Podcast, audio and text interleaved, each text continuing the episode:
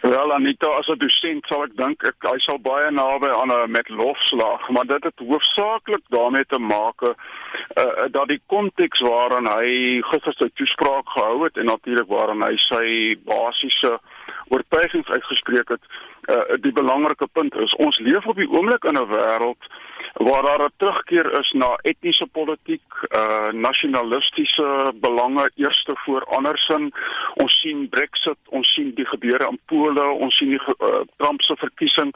Die wêreld staan by 'n baie baie belangrike keerpunt. Ons gaan of die samewerking wat vir ons groot voordeel gebring het op demokratiese waardes voortsit of ons gaan terugkeer waar elkeen na sy eie belang omsien en ons eintlik begin om mekaar te kompeteer. En wat Obama uh, ons herinner aan en dit is waarom sy leierskapstyl so belangrik is is dat dit is beter om kompromieë te vind en saam te werk as om teen mekaar te draai en op die ou end ons almal swakker af te laat. So ek dink in daardie konteks is hy 'n vars bries, uh, iets wat ons op die oomblik op die wêreldtoneel verskriklik mis. Uh, ek dink nie dat uh, byvoorbeeld mevrou Merkel daai selfde rol kan speel nie alhoewel baie dit van haar verwag. Ek dink dit sal maklik kom uit Japan uit nie. Ons sou dit normaalweg uit Amerika of uit die Europese Unie as geheel sou verwag het en op die oomblik hoor ons niks daarvan nie en dit maak Barack Obama 'n groot leier. Ons moet baie klomp vrae uitkom Pieter sy bietjie korter kan antwoord. Ek wil nou kom by Donald Trump. Hoe kontrasteer ja. sy styl met die van Barack Obama? Dit natuurlik veral na die herrie in Helsinki. Ja, uh, Trump het twee groot eienskappe. Hy hou daarvan om homself op die voorgrond te stel en hy het hierdie ideaal om Amerika weer groot te maak. Maar as jy dit baie fyn ontleed Anita, is hy eintlik 'n narcistiese leier wat dit gaan oor homself, dit gaan oor Amerika en op die ou end gaan hy meer verloor as wat hy gaan wen. Ek sien nou vroeër vanoggend in een van ons insetsels het 'n VN amptenaar, Samir Sanbar gesê dit lyk vir hom deesdae asof en ek haal hom aan, halos are out and selfies are in. Ja, kyk ons leef in 'n in 'n narcistiese kultuur ook. Mense sal vir jou sê die sosiale media het 'n nuwe uh, manier van dink oor jouself en oor die wêreld tot stand gebring. Waarin uh jy weet selffoto's eintlik 'n metafoor is vir die idee dat die individu met sy of haar eienaardighede moet heeltyd op die voorgrond tree en die hele idee van 'n common good uh, is besig om regtig waar op die agtergrond te skuif. En ons weet mos nou uit die geskiedenis wat gebeur as die self en die eie belang en die nasionalistiese etnisiteit in die middel kom staan. Ons weet dit lei tot oorlog en probleme en ons voed dit deur 'n sosiale media uh, wat eintlik 'n gees skep waarin jy nie soek na meer belange as die wat jy self najag nie. Gepraat van die geskiedenis, ek het die historikus professor Herman Gilomee gister uit die face uit gevra wie hy eerste aandink in terme van leierskap en hy het twee name genoem, Roosevelt en Churchill. Hmm. Hy het verwys na Roosevelt se bekende the only thing I have to fear is fear itself. Wat is jou definisie Piet van 'n sterk leier? Weet jy uh, Anita as mens die woord sterk leier hoor dan dink jy outomaties daaraan dit moet nou iemand wees wat altyd op die voorgrond tree, wat kragtadig optree, wat hard praat, wat eerste staan. Uh, my ervaring in in my eie lewe en as ek kyk na ander mense, ek sou sê 'n sterk leier is 'n leier met wysheid. Jy moet 'n oordeel kan maak. Wanneer moet ek sterk staan en jy moet 'n oordeel kan maak wanneer moet ek terug staan sodat ander om my sterker kan staan. Ek dink dit gaan aan leierskap oor die wysheid om in die oomblik die regte besluit te neem oor die styl wat jy dan aan die dag moet lê sodat die groter belang beter gedien kan word. Dit blyk ook asof goeie leiers inklusief is in terme van hulle benadering tot hulle landgenote. Hmm. Koning Elisabeth van Brittanje sê leierskap is geskoei by vermoë om mense te laat saamwerk en gister het ek gesien dat Amerikaanse politieke wetenskaplikes praat van Abe Lincoln se vermoë om van sy voormalige Republikeinse teenstanders by sy kabinet in te sluit. En dan word ja. verwys na ek haal nou direk aan his amazing ability to tap into a broad array of perspectives and create alignment amongst those who often disagreed violently with one another. Dis 'n manier van doen wat Mandela uitgeleef het om mense saam te bring. Dit is sy grootste eienskap gewees. Jy weet as jy gaan kyk na die berigte oor Suid-Afrika in die laat 80e jare toe ons land eintlik in 'n staat van beleg was. Sy vrylating op 2 Februarie 1990 en kan 'n mens dit glo 4 jaar later uh, April die verkiesing uh, die ANC wen die verkiesing die 11de Mei word hy ingesweer as president en sy eerste taak is om te sê dit help nie ons deur op ons eie aangaan nie. Kom ons begin met 'n regering van nasionale eenheid. Wel Anita, bloot histories gesproke is dit 'n reuse daad van inklusiwiteit. Ek dink aan ons gronddebat op die oomblik. Ons gaan nie in Suid-Afrika die gronddebat oplos deur of aan die linkerkant te sê die staat moet alles besit of aan die regterkant te sê hier is nie 'n grondprobleem nie. Ons sal moet leer en dit is waar Ramaphosa en elkeen van ons wat deelneem, die kuns van kompromie is 'n absolute noodsaaklike leierskapkuns want daar's altyd 'n groter saak wat gedien word as om jou eie standpunt te laat geld. Dit is baie interessant, dis presies die woord wat Obama gister gebruik het. You must compromise sometimes. Word 'n leier gebore of gekweek? Sou Nelson Mandela byvoorbeeld sy hoogtes bereik het as daar nooit die nodigheid was vir 'n stryd nie? Hmm. Ja, dis 'n moeilike een aan iemand wat in die onderwys staan waar ons leiers uh, toerus en en en en en uh, skerp maak vir hulle taak uh, uh, veral in die bedryfswêreld.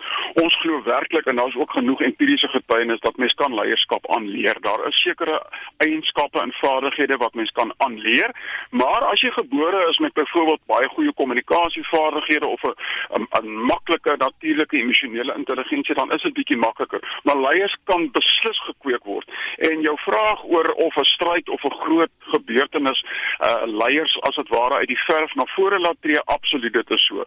Fredie de Klerk sou maar net nog eerste minister in die lang ry van nasionale eerste ministers ministers gewees het, maar teen die laat 80s het hy in 'n situasie gekom wat hom tot op die wêreldtoneel geskuif het vanweë die stryd waarin hy was. Ons weet nie, vandag 100 jaar gelede ergens in Groenlo in die Transkei, so klein seentjie gebore Ons weet nie wat van hom sou geword het as daar nie 'n stryd was nie, maar wat ons wel vandag weet, dit was 'n merkwaardige lewe wat uit hierdie stryd 'n leier na vore laat tree wat ons vandag baie dankbaar laat voel. Een van ons luisteraars het vroeër vanoggend verwys in terme van eienskappe van leiers verwys na die feit dat nederigheid belangrik is.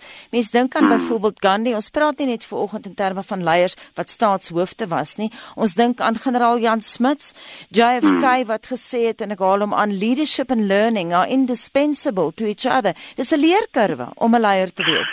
Absoluut en die belangrike ding is om saam met die mense om jou te leer. Jy het nie al die eienskappe om van 'n organisasie of wat jy ook al lei 'n sukses te maak nie. Dit gaan oor die nederigheid om te sê, ek het sekere goeie eienskappe, goeie selfkennis. Jy kan maar kyk na alle leiers dat hulle goeie selfkennis. Jy moet weet waar lê jou sterkpunte. En dan moet jy sê kollegas, vriende, partygenote, en hierdie goed is ek nie so sterk nie, maar in nederigheid kom ons staan saam sodat die groter saak gedien kan word. Jy verwys na Gandhi. Ek meen Gandhi het teen twee groot stelsels stelsels van onreg geveg Anita.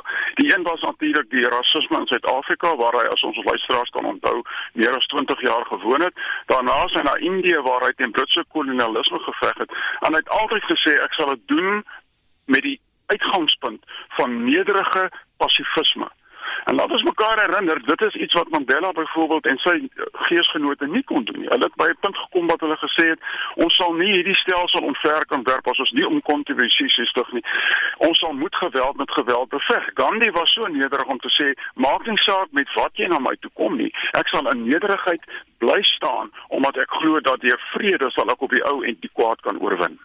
Piet, hoe belangrik is die vermoë om hoop aan jou landsburgers te gee.